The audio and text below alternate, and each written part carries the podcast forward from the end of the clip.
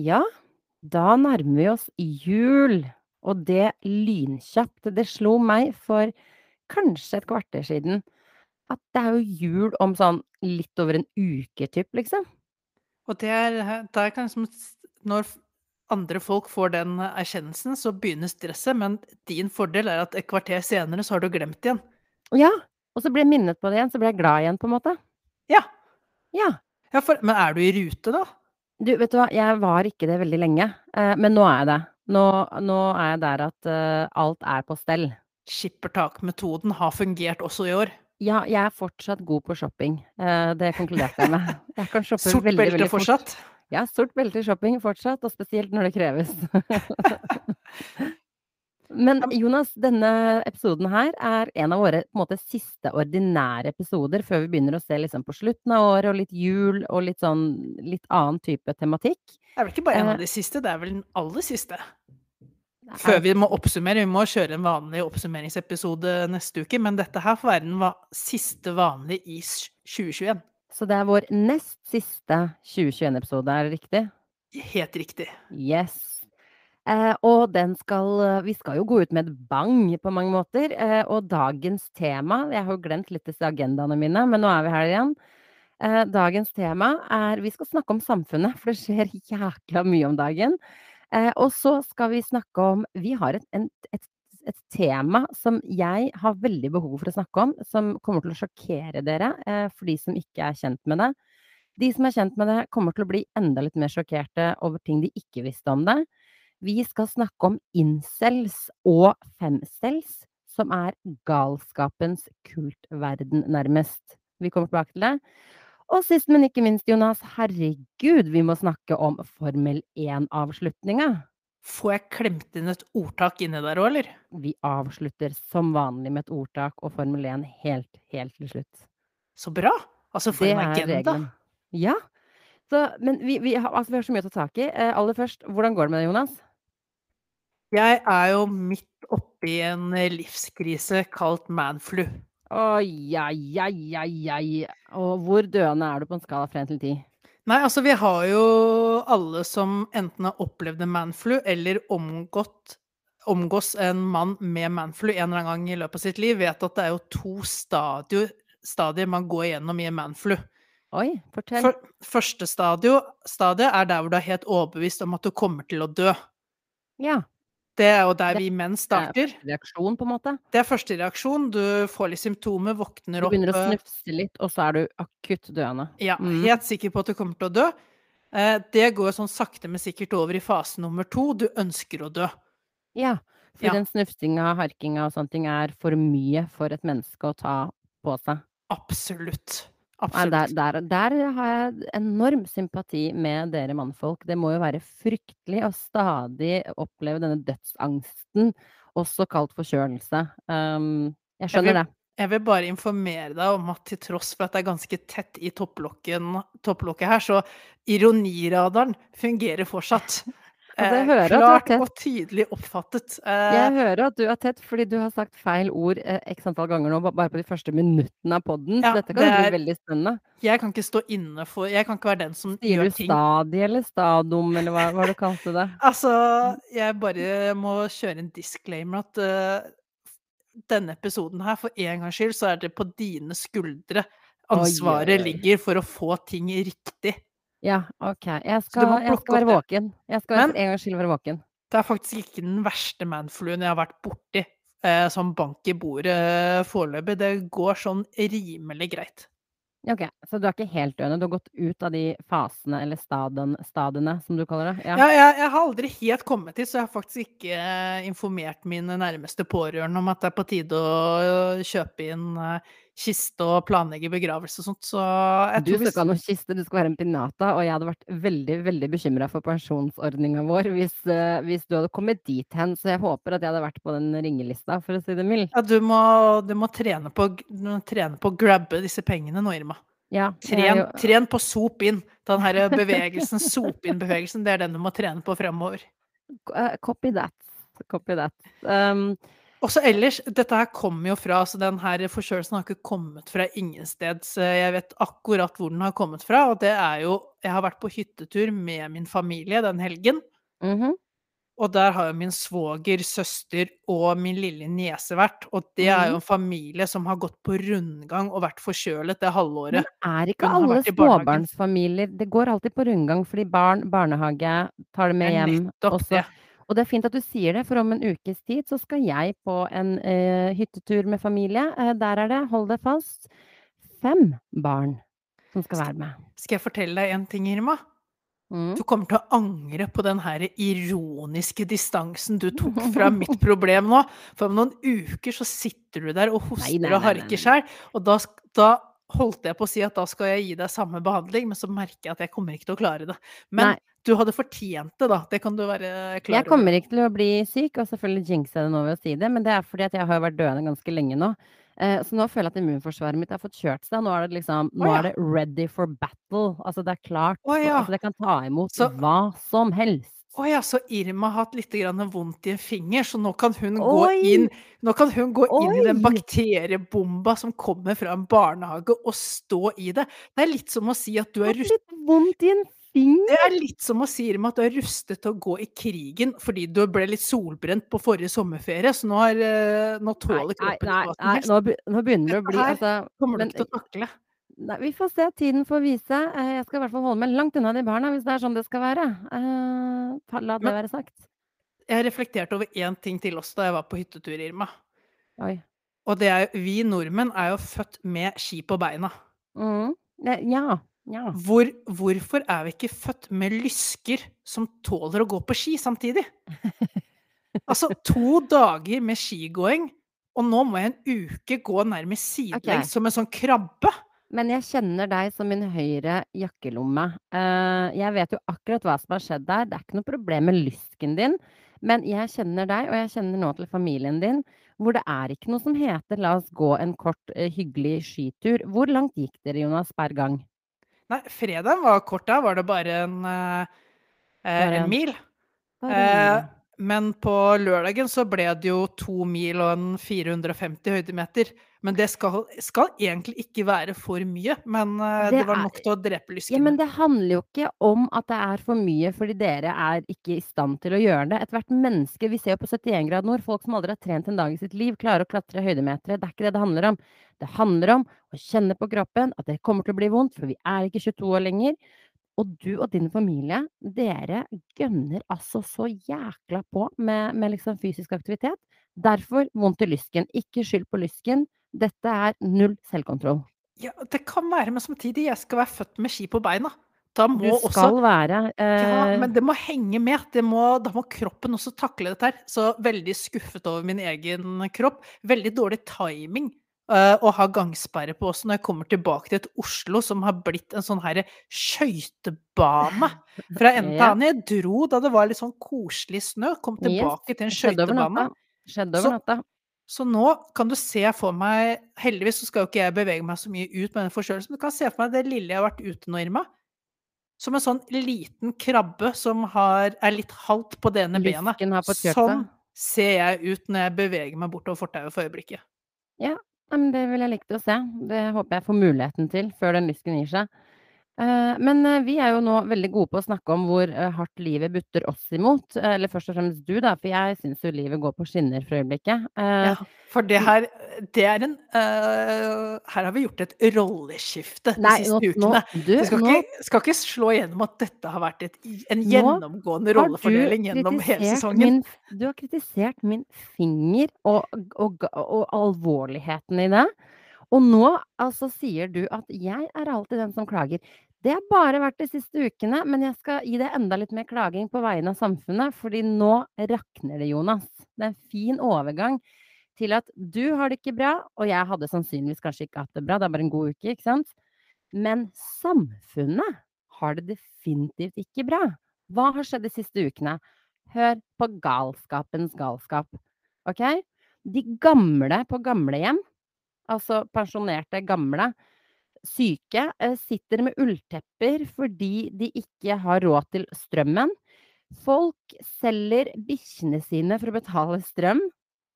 hold deg fast, de gamle igjen får servert kattemat til, eh, mat. Eh, og så verst av alt, som gjorde meg altså, jeg ble ordentlig lei meg når jeg leste at Kurt Nilsen avlyste julekonserten sin, og med det.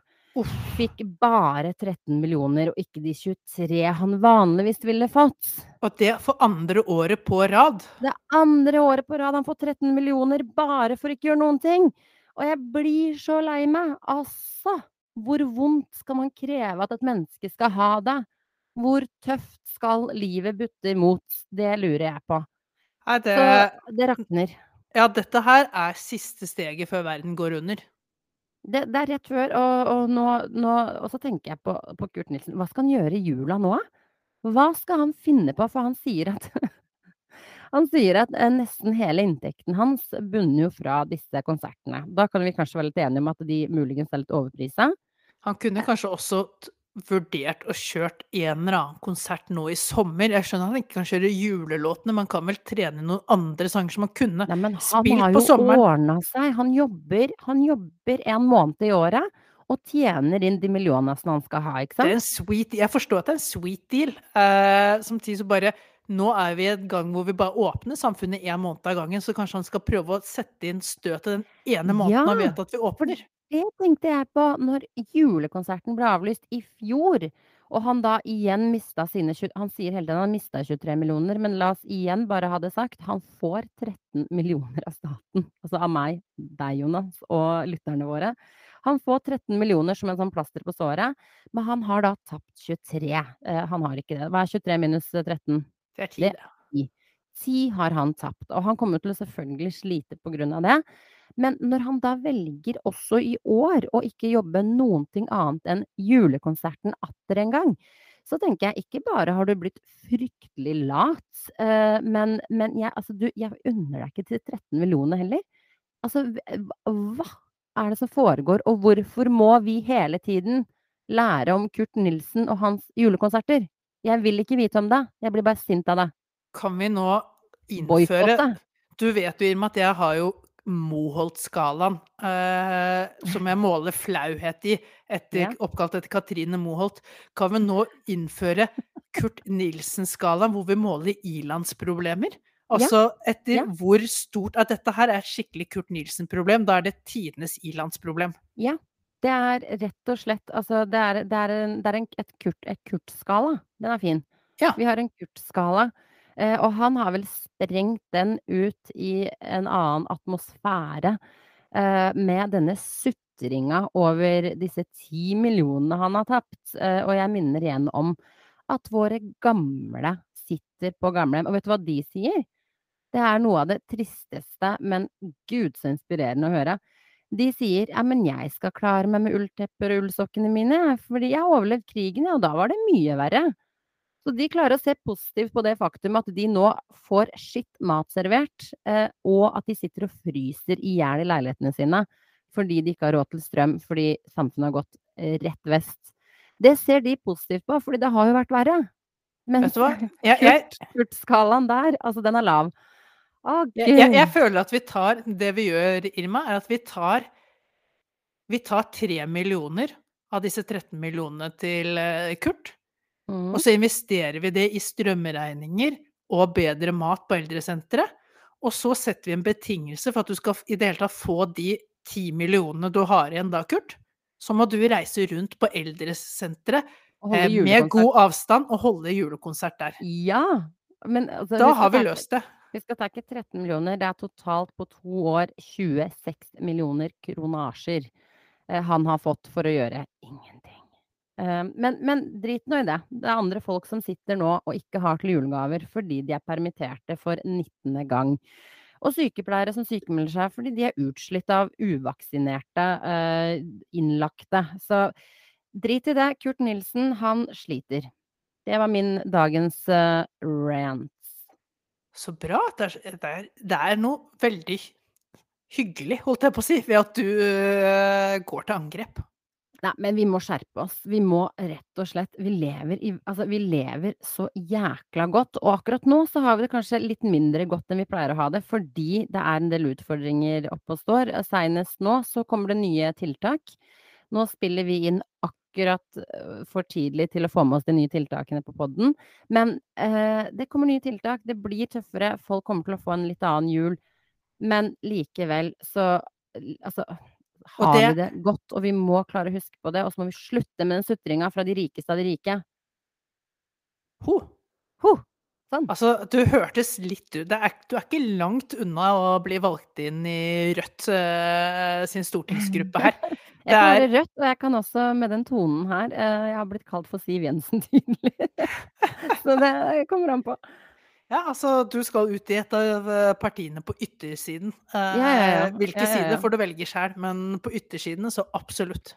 Nei takk, begge deler. Men uh, ja. Men det, var, men det var litt godt å få det ut, for jeg tror folk er Folk har nok med sitt eget nå. Så nå er det liksom slitsomt å høre på, på de største ilandsproblemene rundt omkring som avisene smeller opp. La oss bare være enige om at vi må bare ignorere det. Vi, vi kan ikke bry oss om det. Det er for mye. Så har det skjedd noe annet i samfunnet, bortsett fra at uh, det har rakna i noen kanter og hjørner?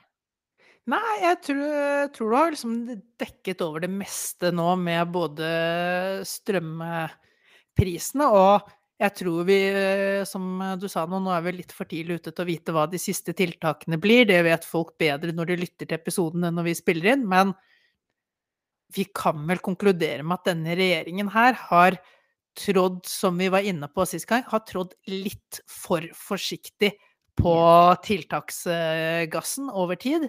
Og nå er det Kriseleiren. Ja, nå er Norge dårligst i klassen, uh, syns jeg leser her i Europa. Mm, Så Men det, eh, bare, vi må bare ha det i bakhodet. Nå skal jeg prøve å være litt positiv igjen. nå Og nå skal du snu, ja. Når jeg Nå begynner å bli negativ, da skal du snu. Ja, ja, ja. eh, motsetninger tiltrekker. Um, vi er dårligst i klassen statistisk sett, men vi har også noen av de aller, aller beste eh, systemene for måling av smittede og innlagte.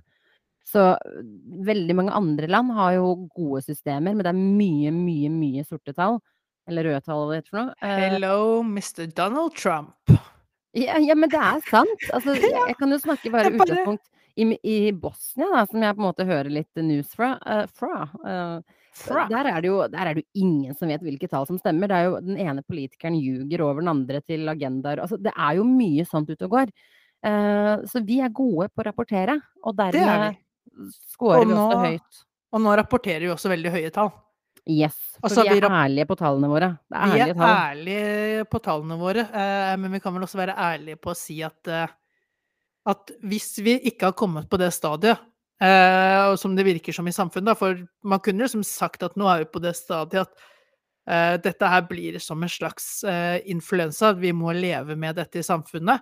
Sånn sett, nå har vi fått våre doser, da skal ikke folk bli like alvorlig syke. Nå kan vi på en måte nå kan vi holde vi samfunnet oppe uansett, men vi har ikke kommet dit. Og da har Nei. vi, da vi, vi har oppført oss som om vi har kommet dit, men vi Mm. har ikke kommet dit. Nei. Og da får man en baksmell.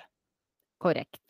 Så nok om det. Eh, vi har et tema i dag, Jonas. Et veldig, Ja. veldig spesielt tema, så jeg må bare sånn eh, advare på forhånd. Eh, jeg ble tipset av min kollega Ingeborg, som er verdens morsomste, men også innimellom man må lure på åssen hun tenker.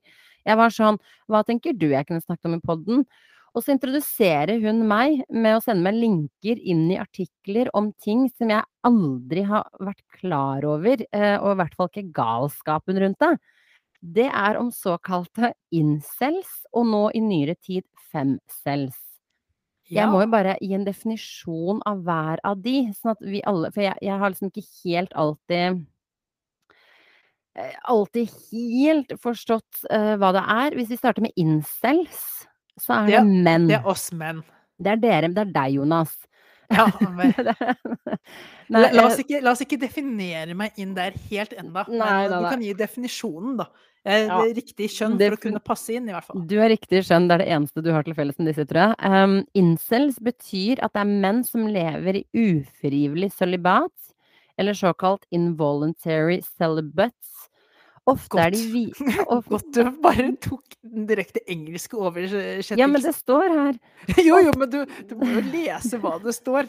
Det også betyr, og så bare tar du på engelsk. Vi har jo svært få Hvis vi har noen lyttere som kun forstår engelsk, så er de ekstremt tålmodige med oss. Ok, ufrivillig sølibat. Ofte er de hvite, heteroseksuelle menn som ikke får seg kjærlighet eller seksualpartnere, og som vil straffe kvinner for dette. Dette her er liksom bare en enkel definisjon av incels. Ja. Og så er det noe som heter femcels, som er Jeg på å si meg, det er det heller ikke, men jeg deler skjønn med dem. Eh, kvinner. Eh, og det er altså Hva skal jeg si? Eh Det det var vel litt det samme som incels, bare at, uh, de ikke nødvendigvis Det var ikke den herre seksuelle omgangen de var på jakt etter, men det var menn som ønsket mer enn bare sex. Og dermed blir de forbanna på menn, fordi de finner bare sånne idioter jo, liksom som litt vil ha større enn sex og går videre. Ja, det det Du tok liksom en delvis av definisjonen der. Eh, en veldig enkel definisjon av det, det er kvinner som hater seg selv og menn. Da Eh, da altså, er de glad i øvrige kvinner, eller, eh, er det bare sånn helt likegyldig i forhold til dem? Inn inni den gruppa her, så så er det jo da selvfølgelig selvfølgelig liker de hverandre, eh, eller ikke. Fordi jeg vil først og fremst ta for meg femcels, som er på en måte litt nyere enn incels. Kan Eh jeg kan jeg få ja. komme med et innspill der helt i starten? Mm. For det står liksom at de hater menn, eh, og de Mhm. hater seg selv. Og der er jeg Mhm. liksom igjen vi har vært litt inne på det her òg, men jeg tror jo kvinner er vel så harde til å dømme hverandre oh, ja! og seg selv som menn er til å dømme kvinner. Så er man er de misfornøyd med sitt eget utseende og på en måte ser de i et perspekt samfunnsperspektiv og føler at de ikke passer inn, så tror jeg det perspektivet er skapt vel så mye av kvinner som menn. Så de burde hate andre kvinner like mye som de hater oss menn. Man skulle tro det, men det er ikke tilfellet. Så de hater jo først og fremst seg selv, og jeg tror alt bunner i det. For når du ikke er glad i deg selv, så klarer du ikke å være glad i egentlig noen andre. Men dette er på et helt annet annet nivå. Altså, Aftenposten skriver som veldig kort forklart disse kvinnene legger ut bilder for å få karakter på eget utseende av hverandre. Eh, de anbefaler hverandre plastiske eh, operasjoner, eh, for å se ut på en viss spesifikk måte som de sammen har definert er riktig. Alt for å få en mann som vil ha noe mer enn bare sex. Altså, altså disse tingene vi ser altså, de har dannet seg bilder, de har lagd karakterer som heter litt ulike ting. Eh, for eksempel Stacey er definert som den peneste kvinnen som alle menn ønsker å være sammen med. Hun scorer de har en skala fra 1 til 10, hvor 10 er vakrest og 1 er liksom fælest. Eh, en Stacey scorer da 7 og opp på utseendeskalaen. Og så har du den gjennomsnittlige Becky som scorer mellom 5 og 6. Hun er liksom OK, men ikke noe mer. Og så har de den stygge kvinnen, som de kaller det, jeg siterer, som blir kalt Phoebe. Hun scorer fire og nedover. De har bilder og forklaringer av en Phoebe, av en Stacey, av en ener, toer, treer, femmer, tier. Dette er kvinner. Og de plasserer seg selv ofte som en Phoebe. Det skjønner du? Men alle vil date Chad, for de har også en 1 til 10-skala på menn. Og det er jo Ja. denne 1 til 10-skalaen på menn som disse incellene, altså gutta, jobber etter. Og Chad er den ultimate alfahannen, og han scorer syv og oppover på skalaen. Så de diskuterer jo da hvordan de skal se ut, eh, hvilken vinkel nesa skal være på, eh, altså hvor de de dømmer hverandre og andre, og det er helt. I håp om å oppnå den ultimate alfahannen, for det er en person som ønsker et forhold, ikke bare sex. Han er perfeksjon selv.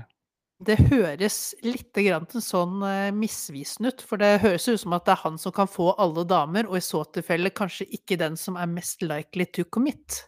Yes, og de mener at de beste mennene, de seriøse mennene som vil mer, eh, enn bare sex, det er, eh, menn som allerede er opptatt av såkalte vakre kvinner, altså Staceys, som det heter. Som er kapret. Ja. Så de beste mennene er kapret, og alle de liksom fem og under, eh, kaprer hverandre, for de har ikke sjans for de fem og oppover, eksempel.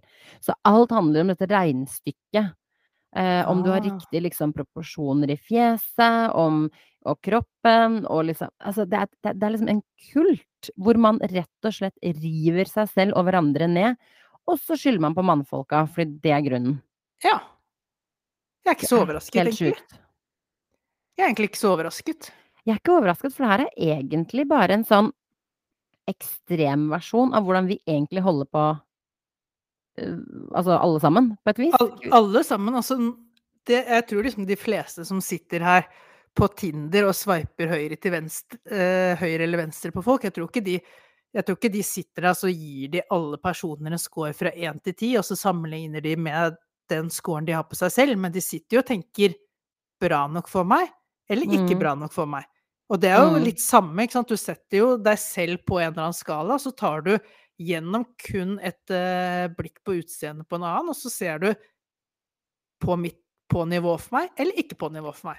Ja, men altså vi alle gjør det på en måte, som du sier da, i et mindre skala, men de her drar det jo ekstremt langt. Eh, og så sies det at det er noen forskere rundt omkring som har på en måte prøvd å forstå dette her. Eh, mennene vil ha kvinner som gir dem sex, mens kvinnene vil ha menn som gir dem kjærlighet. Men alt bunner i ett og felles samfunnsproblem, og det er at det stadig er flere og flere og flere single. Eh, og jo flere single det er, jo jo større er kriteriene, eh, til å få seg kjæreste, og mange risikerer avvisning. Og det skaper mye sorg, bitterhet og for mange sinne, sier denne forskeren i Aftenposten. Eh, så så dette her er folk som rett og slett føler seg avvist, og Og så det skaper de et eget et eget samfunn, men her har de også på en måte det som er litt sånn spesielt med dette samfunnet her, er jo at det er kritikk av andre, men de snur det også til kritikk av seg selv, da. det det Eh bunner jo i Jeg vil jo si det bunner i kritikk av seg selv, for hvis jeg går Jo. rundt hele tiden og sier at jeg er stygg, stygg, stygg, stygg, stygg, og ingen vil ha meg, så så vil jo sannsynligvis ingen ha meg. Fordi det er jo en fryktelig holdning å leve på. Det er jo en slags samfunnskritikk, samtidig som det er en ekstremt forsøk på å klatre i hierarki i det hierarkiet de selv er så misfornøyd med at det eksisterer. Ja. Typ. Og jeg skal bare altså jeg sa jo jeg nevnte jo så vidt altså de har jo disse 1 til 10-skalaene. Eh, jeg skal bare jeg kan ta utgangspunkt i damene, da. Ehm, eh, jeg må bare lese opp hvordan de beskriver eller definerer en ener kontra en tier, da. Ok? Ja. Hør på dette her. Det tar helt av. Eh, kvinnelig ener, da, eh, eh, er, eh, på engelsk riktignok, like a male one, you are conventionally conventionally hideous, much like male ones. Eh, a male six will pity date you. A male four will go for you because they have lost hope. Altså, det det er sånn de definerer seg. Skjønner du Ja, så de de kan nå altså de kan nå opp En sekser vil bare liksom bare for skams skyld, for å synes synd på deg, kunne gå ut med deg, men en firer er egentlig der du har realistisk håp om å legge lista, hvis vedkommende er desperat nok. Ja, ikke sant, det er akkurat det. Mens en tier får liksom på den andre siden av skalaen, du er perfectly conventionally attractive, it is impossible to fail at life.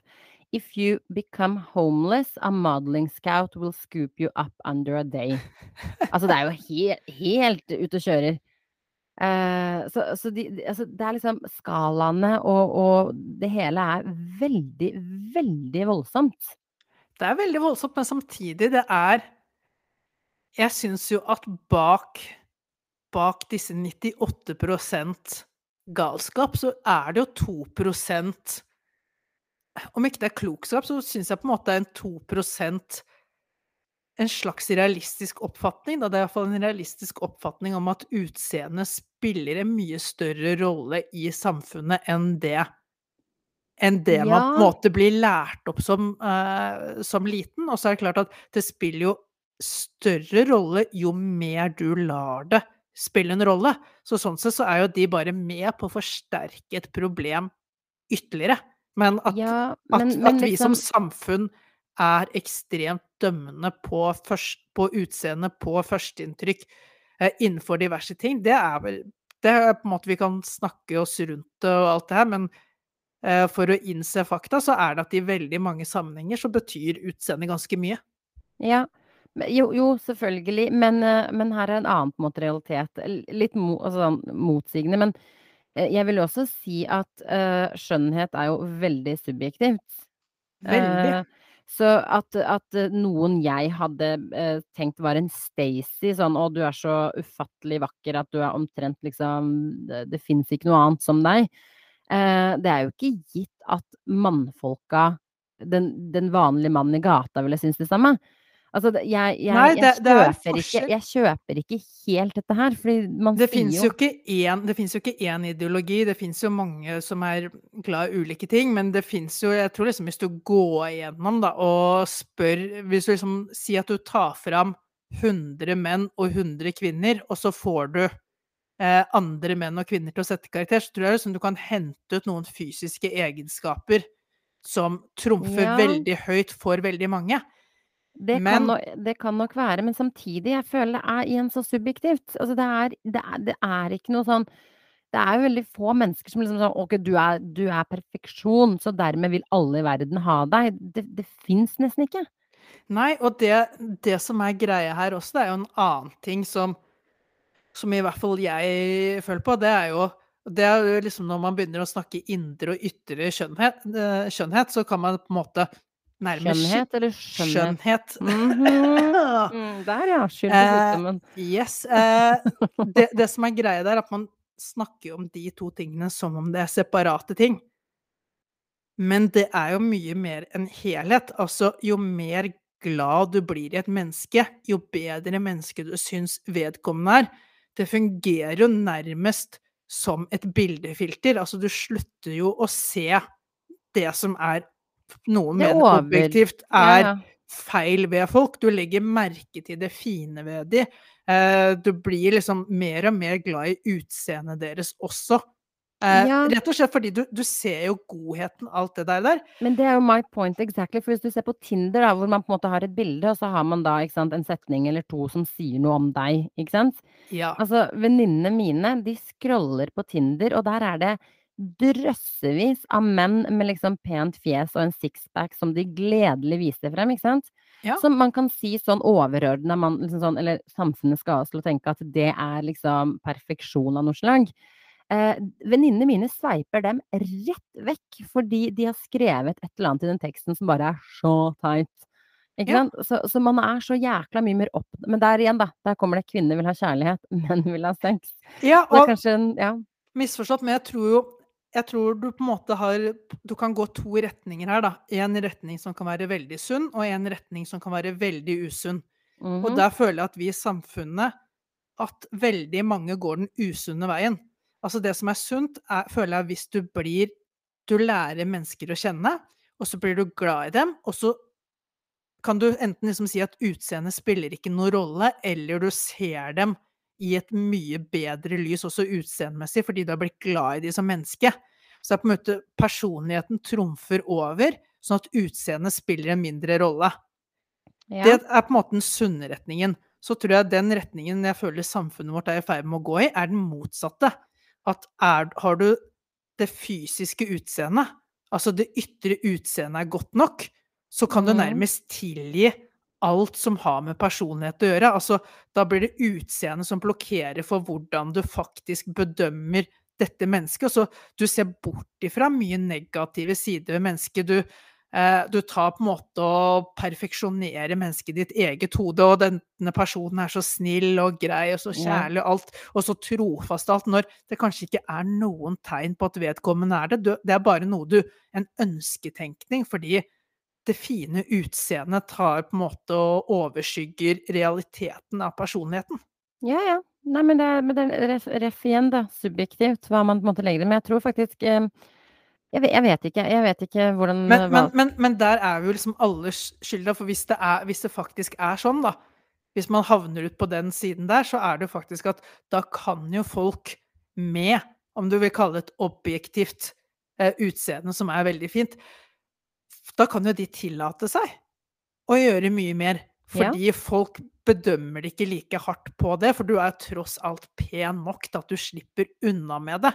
Og der tror jeg jo det er kvinner, det er sikkert mange kvinner som har vært pene nok til å slippe unna med mye i sitt liv, og så er det veldig mange menn som har vært kjekke nok til å slippe unna med veldig mye, eh, Ja, i sitt liv. Og det ja, og det er jo ikke det kan du du kan ikke ene og alene skylde på på disse her med det utseendet. Det er jo alle andre som tillater de å slippe unna med det, fordi de ser ut sånn som man av en eller annen grunn har eh, bestemt seg for at mennesker skal se ut.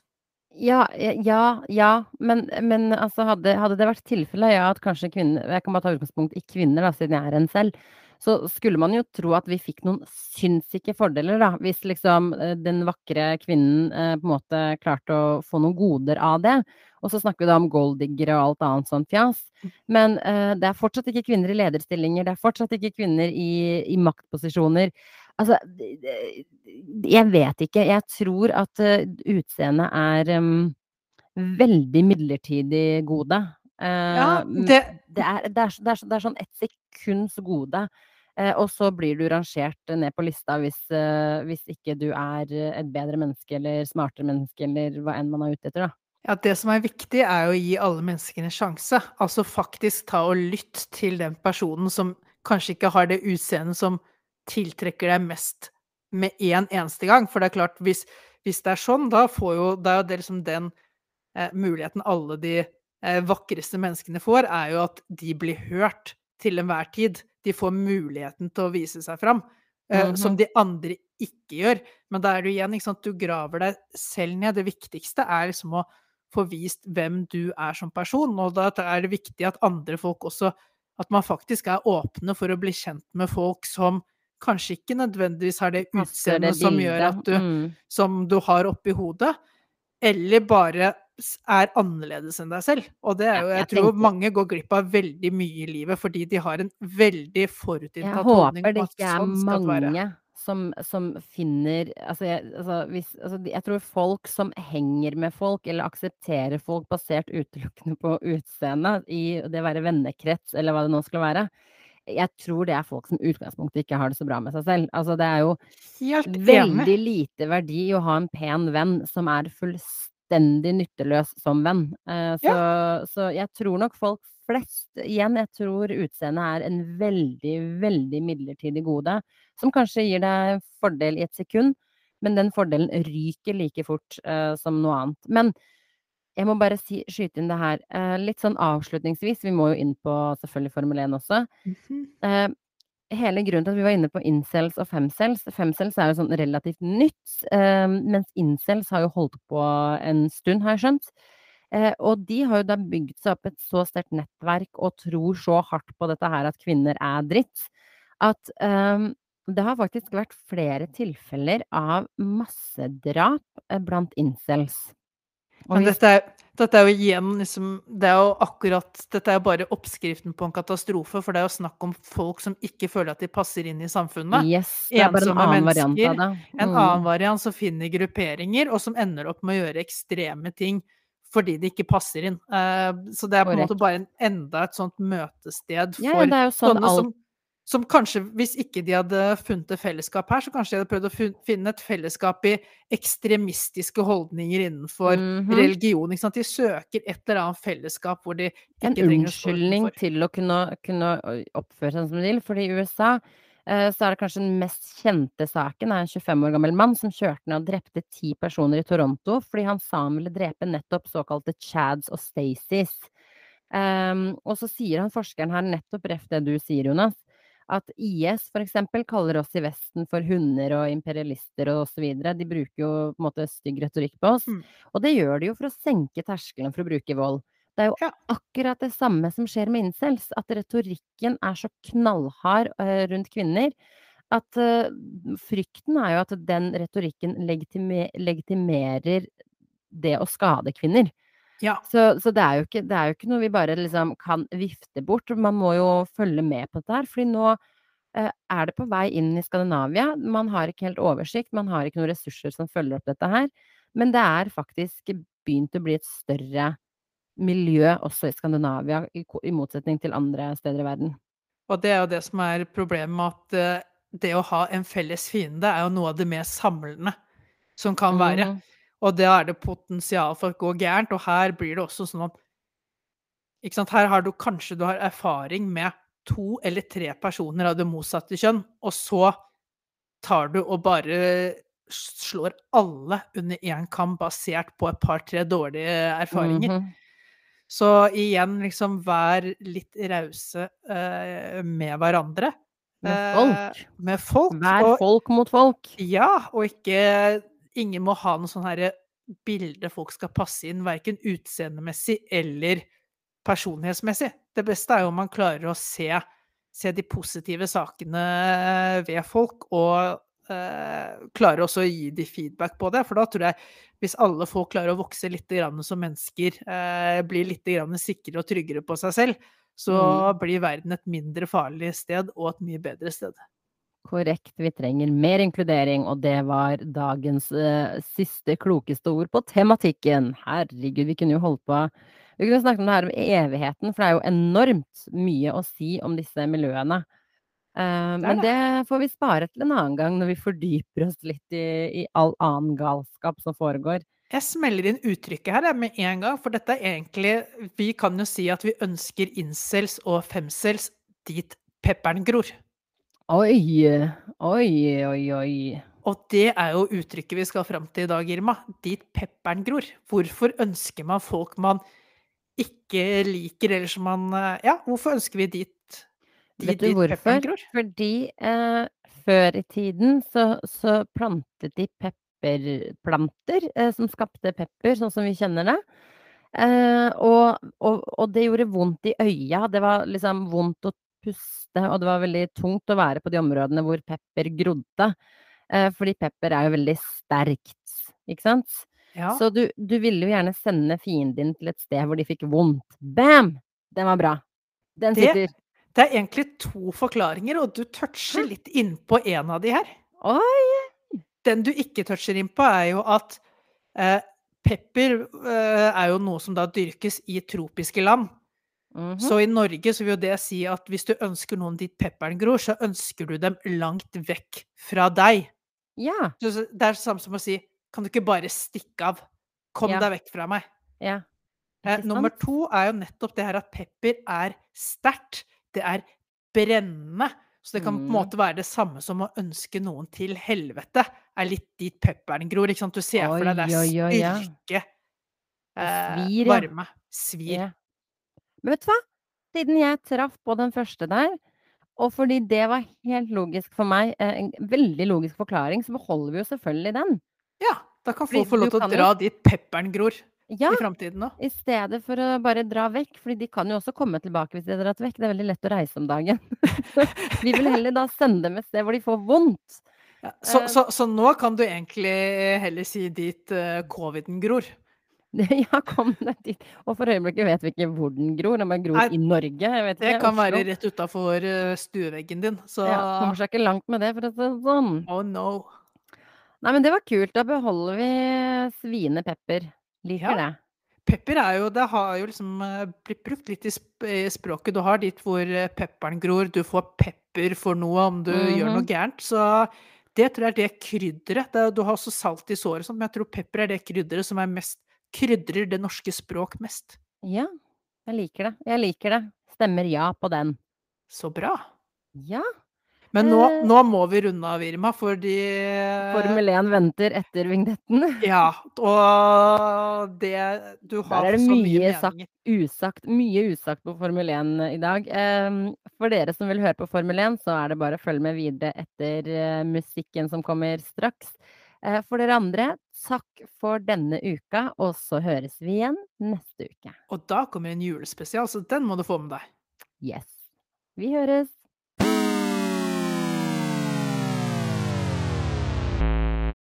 Og der var mesterskapet avgjort. Å, jeg har så mye Er følelser og er meninger du det fortsatt. Nå har det gått har gått et Mm. døgn, eh, Irma. Er du fortsatt fly forbanna? Vet du hva? Eh, når jeg blir fly forbanna, så jeg bærer følelsene veldig på utsida. Eh, men denne gangen så var så var var det sånn miks av vonde følelser at jeg var vi vi vi satt stille, vi fire mennesker som satt og så på det her sammen.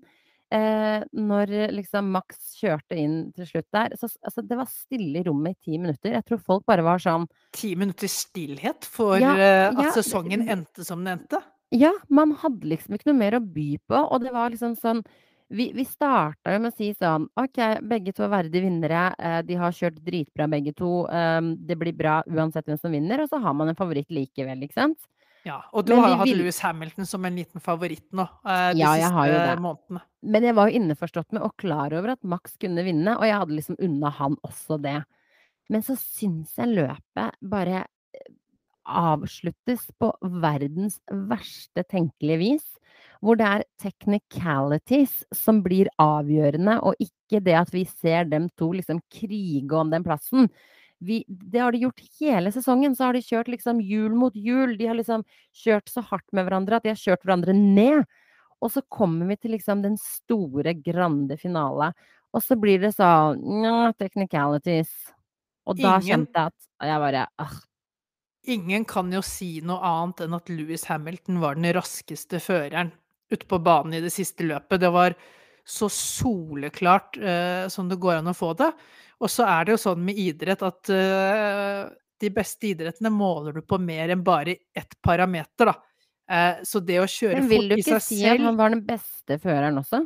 jeg, jeg vil si det. Det som, det som irriterer meg litt her, da, men her, jeg er litt sånn på to steg da, Irma. Nummer én, dette er første året jeg har begynt å følge Formel 1 igjen ordentlig. Mhm. Eh, og det er en del regler og ting og tang rundt Formel 1 som Mhm. jeg ikke forstår meg på. Og du er ikke den eneste. Og det er på en måte, det er jo det jeg vil starte med, at det irriterer meg jo. Og så er det selvsagt i hvilken grad det påvirker utfallet, eh, bestemmer jo i hvor stor grad du blir irritert. Ja. Eh, og her har det liksom påvirket et helt mesterskap helt på slutten, veldig tydelig. Totalt påvirket. Så- Altså, det, det har vært avgjørende. Ja, samtidig så er jeg liksom på andre siden også at dette her har jo vært sånn det har vært. Sånn er det tydeligvis. Dette er spillereglene, alle er klare over det. Og sånn har det vært over lang tid. Man kunne protestert tidligere, så til syvende og sist så må man jo stå i de reglene man har. Men for å ta den regelen som ble helt avgjørende for mesterskapet, da. For det som skjer her, er at Louis Hamilton har full kontroll, er i ferd med å vinne løpet, i ferd med å vinne Han er tolv sekunder foran eh, for, Jeg må bare skyte inn det, for det er viktig. Han er tolv sekunder foran eh, han godeste. Max Det til- Verstappen. Max Verstappen, til tross for at Perez har senka han ned. Til tross for at eh, han godeste har skiftet dekk og har ferskere dekk, så ligger han et hestehode foran. Det vil si Klart. Og han har passert. Han har passert mer kø også, tapt tid på det. Han kunne vært en, ytterligere et par sekunder foran, hadde liksom passert like mange biler med én runde på det Mhm. tidspunktet. Louis Hamilton er klar best. Så skjer jo det som skjer, er jo at Nicolas Latifi krasjer. Det blir, Jævla Latifi. det blir gulflagg og altså safety car. Mhm, Det jeg ikke skjønner med Formel 1, mhm. det er jo at de, de kommer ut med safety car. Det er fordi her kan vi ikke konkurrere lenger. Det står en bil, det er fare for liv og død hvis man konkurrerer. Mhm. Så da sier man da må vi ha ut en vanlig bil som setter farten, og så skal man ikke kjøre raskere enn det. Mhm. Nei, det er ikke det reglene sier. De sier vi setter ut en bil, og så skal ikke lederen kjøre raskere enn det. Mhm. Alle andre får lov til å kjøre raskt for å ta igjen det de ligger bak. Mm. Hvorfor i alle dager er det mindre farlig at den dårligste sjåføren i feltet Mhm. kjører fortere enn den beste sjåføren i feltet? Mhm. Det gir ingen mening.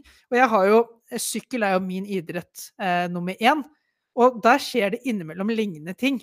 Eh, altså velt, det, krasj, det er én ting. Det, det ødelegger ikke for alle andre, man kan sykle videre. Men innimellom så skal f.eks. et sykkelfelt passere en jernbanelinje, da. Og så må de Mhm. stoppe for rødt lys fordi toget kommer. De gangene det har skjedd, så har det vært så enkelt som at OK, men da sykler jo alle fram til jernbanelinjen. Og de som lå to minutter før de andre, de får Mhm. sykle av gårde i to minutter før. Resten mm. starter. Hvorfor Hvorfor gjør man ikke sånn i Formel 1? Hvorfor fortsetter man ikke med samme reg... avstand som det Ja, var? men Det Jeg skjønner bare... ikke hvorfor det er en regel. Jo, Det det der er bare én av mange regler. Altså, én ting er at reglene er ko-ko i seg selv. En annen ting er liksom eh, grad av. Altså, av, de er jo ikke konsekvente med disse reglene. Eh, under dette løpet her så var ikke det den eneste regelen hvor alle var sånn Hva skjedde? Hvorfor skjedde det? Hva fanken var greia? Ref Eh, min eh, lille slakt av dommerne sist uke. Jeg yes. syns den står seg ganske greit denne uka òg. Ja, den gjør det. Dommerne er jo Det er ingen som forstår begrunnelsene eller hva de bunner reglene i. En annen regel som selvfølgelig ble diskutert, men også klagde inn av Mercedes, var at når det er restart, så er det sånn at da er det eh, førstefører som starter løpet. Ja. De må ligge bak han til han gønner på, ikke sant? Innenfor en viss tid og strekning. Men Verstappen lå tidvis foran.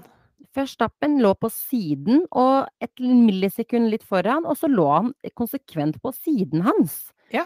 Det også er jo en rent fuckings brudd på den regelen der. Altså, det, som, det gir ingen mening. Men igjen, Men- de tar jo ikke tak i det. ikke sant? De har latt nei, det, det slippe ut. Du får lov til å Gråsonen Men det har virker som det blitt er utvidet. dagsform. Noen, noen løp har de jo straffa bitte, bitte, bitte, bitte små feil.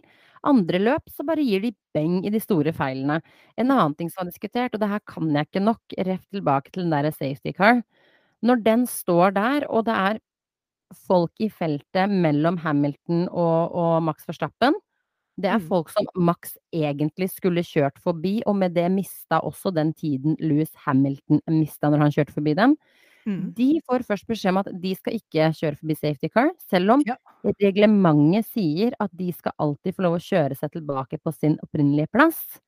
Ja, altså, det Bak som er greia, grunnen til at de skal få lov til å passere safety car, var nettopp det jeg snakket om, at alle andre skal få lov til å kjøre raskere enn frontbil. Mm, mhm. Selv disse som da ligger, er tatt igjen med én runde, men de ligger jo en runde bak. De skal få lov til å ta igjen den runden.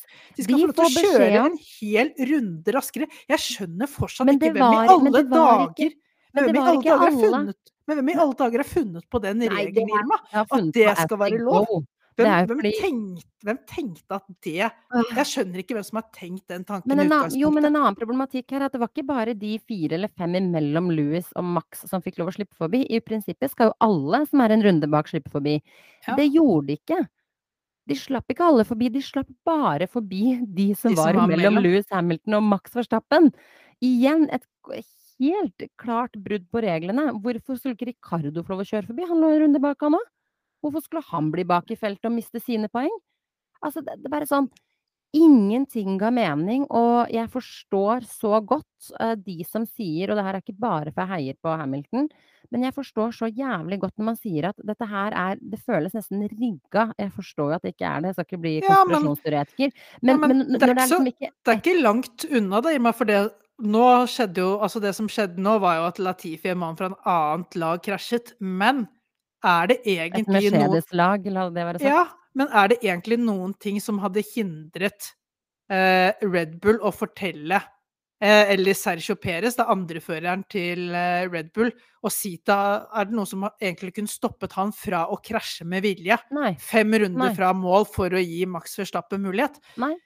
Og, og da åpner måtte du jo bare for gjort det så diskré som mulig, på et vis. Ja, og det betyr jo at Ja, men ellers hva du straffet? Du kunne jo straffet Peres med poengtrekk. Du kunne straffet Mercedes med poengtrekk Mhm. og bot. Du kunne jo ikke straffet Max Verstappen så lenge ikke beskjeden Nei, har kommet fra fra På samme måte som Bottas kunne kjørt inn i Verstappen og hadde noensinne klart å komme Ja, seg opp i det så, feltet. så de har jo lagd et regelverk som åpner opp for at folk kan holde på å gjøre helt sinnssyke ting. Mhm. Fordi Og så, eh, så Og satse på at det går Så bra. på, altså på en måte så kan jeg forstå det, for Formel 1 har vært en kjedelig sport uten spenning rundt seieren tidligere. Så hva er det folk sitter og håper på? De sitter og håper på safety car, fordi da samler ting seg mot slutten av løpet når det egentlig er Mm. avgjort. De sitter og håper på regn som skal uh, gjøre at man kaster helt om på rekkefølgen. Man sitter og håper på disse tingene. Det er litt som å sitte i sykkel og synes at sykkelrittet er kjedelig, så håper du at det går en massevelt. Det er vondt for de rytterne, men da er det litt action å se noen mm. velte, i hvert fall.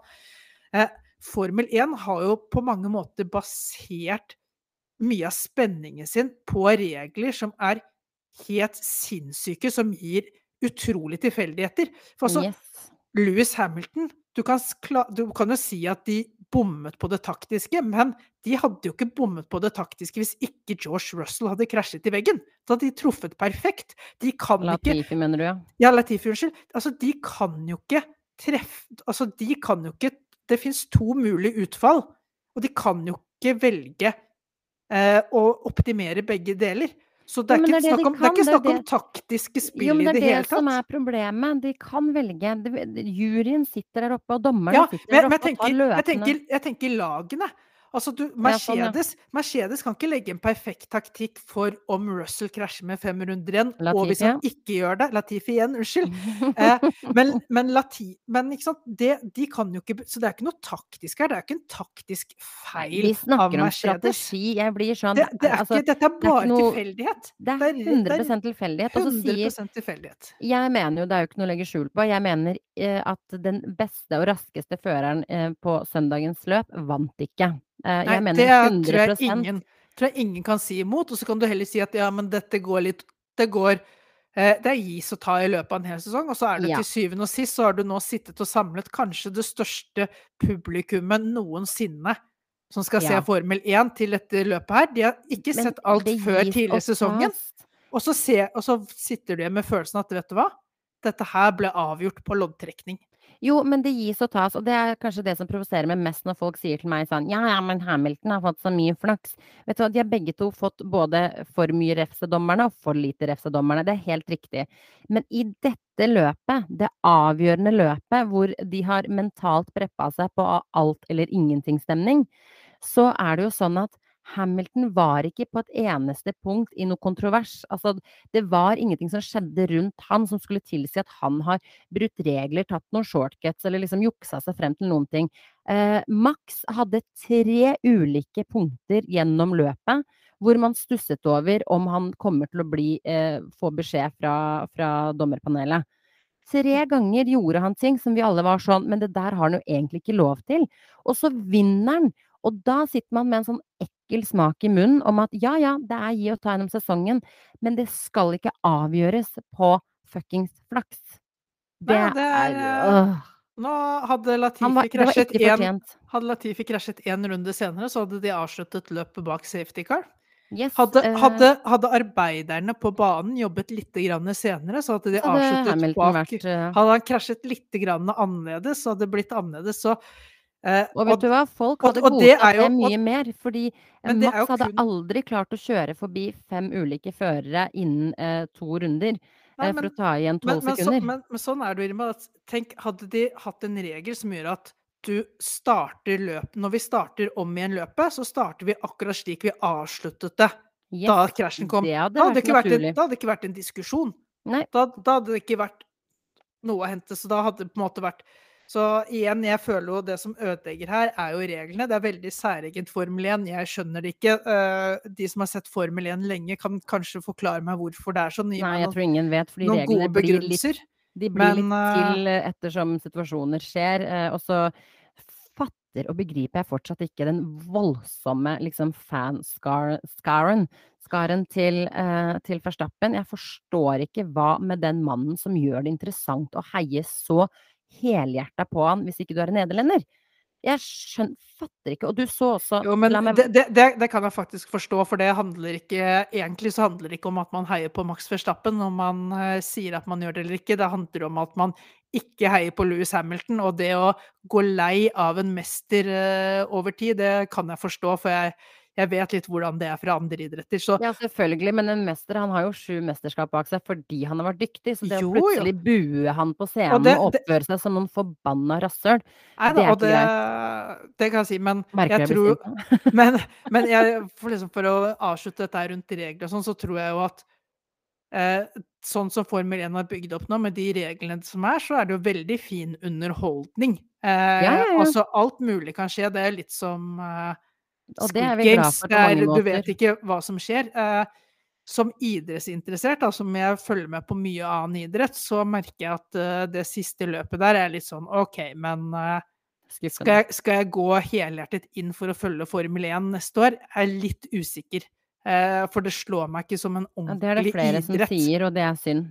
Men Det kan jeg er- bare legge Det er mer sirkus enn idrett. Er, Hvis vi ser bort siste- Technicalities og alt det der der. Hvis vi Ja. ser på menneskene som er involvert, jeg vil bare si det. Um, jeg leste en artikkel nylig av faren til Verstappen som var ute og regelrett liksom lynsja eh, alt, eh, hele Louis Hamilton-apparatet og Mercedes, og sa noe sånt som at han hadde ikke behov for å snakke med Louis Hamilton. Eh, han ville ikke snakke med han. Han skulle faktisk ikke gidde å hilse på han engang. Det er pappa Verstappen. Vi så forrige helg at Verstappen gikk av scenen fordi han syntes det var så urettferdig, ikke sant. Han, altså, han gidder ikke omtrent å gratulere sine eh, kollegaer, for å kalle det det. Og så ser du noe av det fineste som skjer, og det er også grunnen til at jeg heier på Hamilton. Det er bra folk. Fordi han kommer inn der, får trøst av faren sin, eh, og får noen kloke ord, hørtes det ut som. Han går ut, han gratulerer Verstappen, og det, det syns jeg er stort, fordi jeg hadde vært rasende. Og faren til Hamilton går bort til Verstappen og pappa Verstappen og gratulerer dem begge. Og de er høflige, de er ordentlige, og de oppfører seg i en sport som er urettferdig. Em, den respekten, skal jeg si det med en gang, hadde han ikke fått tilbake hadde han vunnet mesterskapet. Nei. Og derfor liker jeg til enhver tid Hamilton mer enn Verstappen. Jeg føler at hele hans holdning, og inkludert hans far som er ute og slenger med leppa, bare eh, ikke bra folk. Og det i seg selv er godt nok poeng. Får Verstappen et par-tre mesterskap til i bagasjen, så kommer du til å se populariteten faller noe voldsomt, for da er det ikke lenger det her nykomlingen som skal dytte ned den store, gamle stjernen. Da er det mer opp til deg som person, og du nekter å delta i Netflix-serien som tross alt har skapt mange av disse nye supporterne. Som har gitt deg masse av pengene du har. Du, Ja, du, du, du er en utrolig dårlig taper, eh, og du og du bruker skitne triks på banen. Ja. Så, så du, liksom- du har mye som det faller på. Men la oss bare håpe han ikke får noen flere mesterskaper, for jeg opplever ikke annet enn at han kjører fort og som om han uh, doesn't live to breathe another day, eller hva det heter. Så litt- håper jeg ikke jeg han får noen flere mesterskap, og han er ikke en verdig vinner som menneske. Nei. Og så tenker jeg, men uh, der kan vi ta den. Og så tenker jeg sånn sporten som helhet også, så jeg skal gi det starten av neste sesong også. Nye biler, litt ny racing-typ. Eh, men hvis jeg føler Neste at det, år er det everyone's game. ja, men hvis jeg føler at det fortsatt er litt for mye tilfeldigheter og regler jeg ikke skjønner begrunnelsen for, som eh, avgjør løp, så, så er det egentlig bare å hoppe av igjen. For Jeg da er det mer tror- sirkus. Ja, men jeg håper og tror at de tar en real runde på den der boka si, for å si det Og sånn. ikke minst så må vi se og få disse her Altså, disse, disse reporterne på, som skulle stille spørsmål, de var dårligere enn noensinne her. Nei, de stilte jo ikke ja. De bare strøk Ingen. medhårs med Louis Hamilton. Stilte han ikke spørsmål engang om hva Louis han syns Hva- Louis eller Max? Louis Hamilton. Ja. Altså, han skal være superskuffet. Han har tapt mesterskapet på en helt sinnssyk måte. Så får han Mm. ikke spørsmål om hva han syns i det, eller hva han føler om det. Det er sånn Du har jo vært veldig god i år, eh, Hamilton. Fantastisk avslutning på sesongen. Jobbe så hardt. Du må føle deg stolt av det du har oppnådd. Bare still ham første spørsmålet. Hva er din hva, hva, hva føler du nå, og hva er din, dine Mm. tanker om det som skjedde på slutten her? Var dette riktig?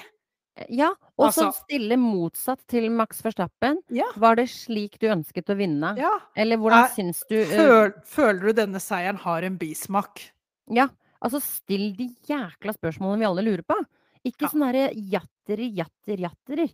Og det er igjen bare sånn Øh. Det er sirkus, det er uh, hvordan det ser ut Og så er det politisk korrekthet herfra til en annen til verden. evigheten. Nei, Noen burde gå inn og riste litt i det treet, for å si det sånn. tidenes Formel 1-sesong. Vært morsomt å følge med, men uh, Antiklimaks. det antiklimaks og sportens rariteter og det som, det som jeg tror har gjort at ikke flere følger ikke har fulgt sporten jevnlig de siste årene, skinner igjennom. Enten så må de ordne opp i det, så tror jeg de populariteten kommer til å dale med tid igjen.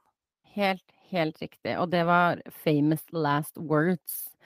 Uh, det er sikkert mange som er enige og uenige med oss. Uh, gi oss beskjed. Det er interessant å høre, men ikke gjør meg sint, for det orker jeg ikke. Jeg vet akkurat Jeg har hørt alle argumentene nå, OK? Og uh, til favør Max Verstappen, så spar meg for det. Det er det eneste. Og utover det så ønsker vi dere en riktig jækla god uke, og så høres vi igjen neste uke.